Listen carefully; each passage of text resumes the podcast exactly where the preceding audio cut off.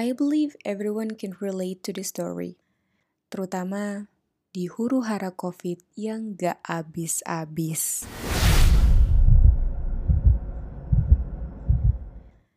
Di podcast kali ini, aku mau berbagi kisah yang harusnya sih gak asing lagi ya. Tentang seseorang yang pernah dilumuri penyakit parah, menjijikan, berbahaya, dan juga menular yang bikin orang-orang di sekitarnya tuh jadi ngejauhin dia.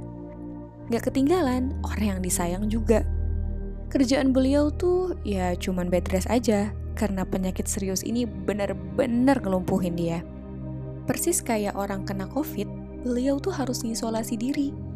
Terpisah dari tetangga, temen-temen, keluarga, yang mau ngurusin beliau ya cuman istri beliau aja.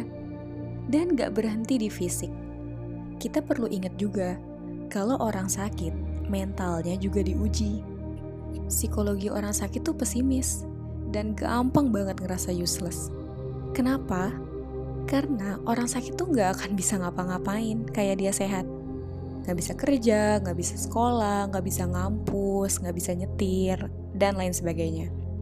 Jadinya, siapa pun yang sakit bakal ngerasa diri dia tuh udah nggak produktif lagi jadi, setiap orang yang sakit bisa cepet banget mikir negatif.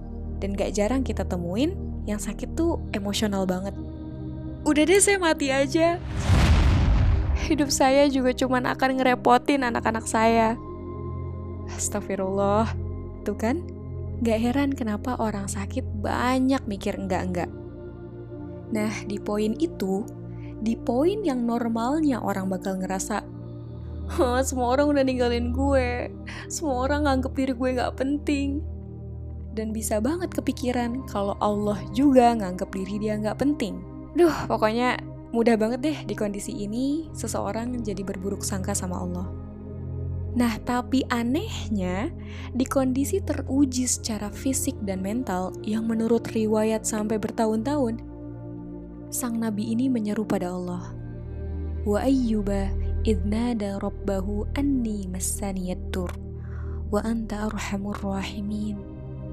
Dan Ayub ketika ia menyeru Tuhannya, Sesungguhnya aku telah ditimpa penyakit, dan engkau adalah Tuhan yang maha penyayang di antara semua penyayang. Surah Al-Anbiya ayat 83 Engah gak sih? Di ayat tadi, Nabi Ayub tuh doanya pakai kata masania. Kata masania itu berasal dari kata masa yang artinya menyentuh. Jadi dalam suatu bahasa biasanya kan ada macam-macam kosakata kontak ya. Kayak menyentuh, menempel, bertemu, berbenturan. Nah, dari kontak yang paling ringan, menyentuh, sampai kontak yang paling berat, yaitu berbenturan. Contoh kata berbenturan tuh ada di surah Ar-Rahman ayat 19. Marwajal bahroini yaltaqiyan. Dia membiarkan dua lautan mengalir yang keduanya tuh berbenturan. Karena yaltaqiyan itu dari kata iltaqo, bentrok. Nah, sedangkan kata massa itu kontak teringan, kayak nyentuh tapi dikit aja. Nah, kalau kayak gitu, maka doanya Nabi Ayub tuh sebenarnya kayak gini Ya Allah, kesulitan ini hampir aja atau baru dikit aja menyentuh saya. Lah, aneh gak sih?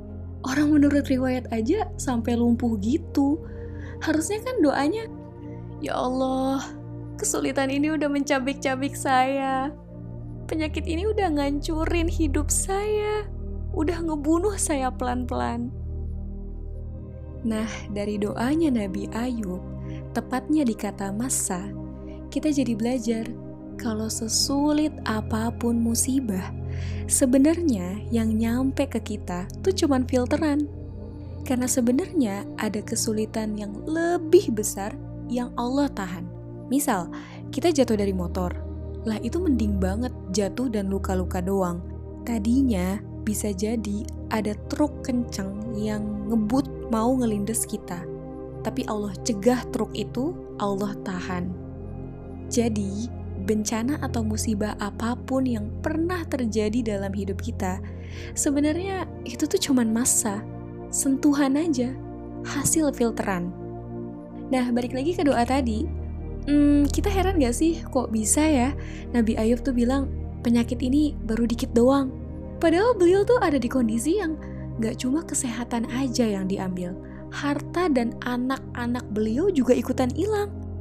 Kenapa bisa ngomong baru dikit aja ketika orang-orang yang dicintainya tuh udah ninggalin. And he was left completely alone. Tahu kenapa? Karena di dalam diri beliau ada kesehatan rohani. Kesehatan hubungan beliau sama Allah.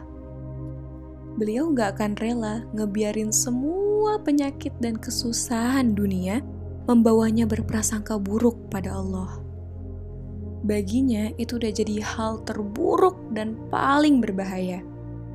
Beliau nggak mau hubungannya dengan Allah rusak. Maka dibandingin kehilangan itu, penyakit ini bukanlah apa-apa.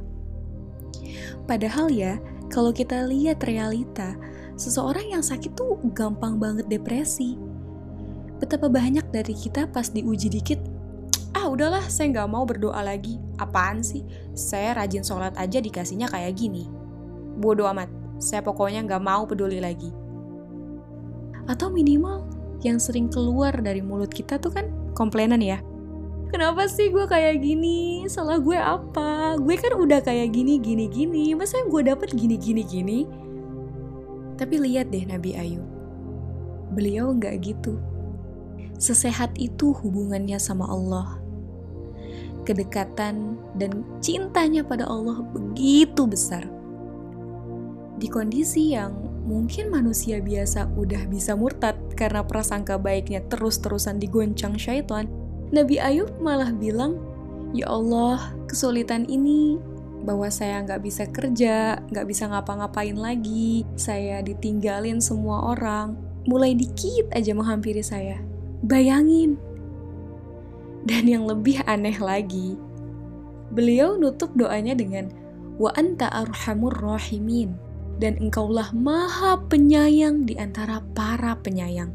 Atau kata lainnya, dan engkaulah yang paling menyayangi saya lebih dari siapa pun di semesta ini. Ya Allah, udah ngomongnya pakai masa, nutupnya pakai Asmaul Husna Ar-Rahman. Seolah-olah tuh beliau lagi kayak dibanjirin kasih sayang yang berlimpah-limpah gitu. Seakan-akan lagi dipenuhi nikmat terbesar dalam hidupnya. Masya Allah.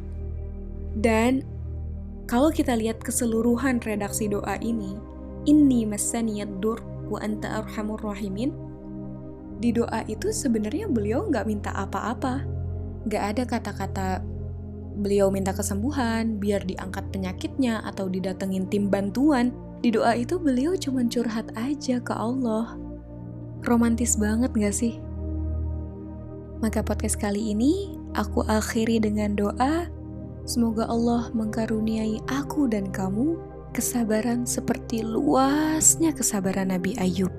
Kesabaran yang bersumber dari jernihnya hati dan baiknya kesehatan rohani. Kesabaran yang selalu berbuah prasangka baik pada Allah. Semoga hati kita bisa sebening hatinya Nabi Ayub alaihi salam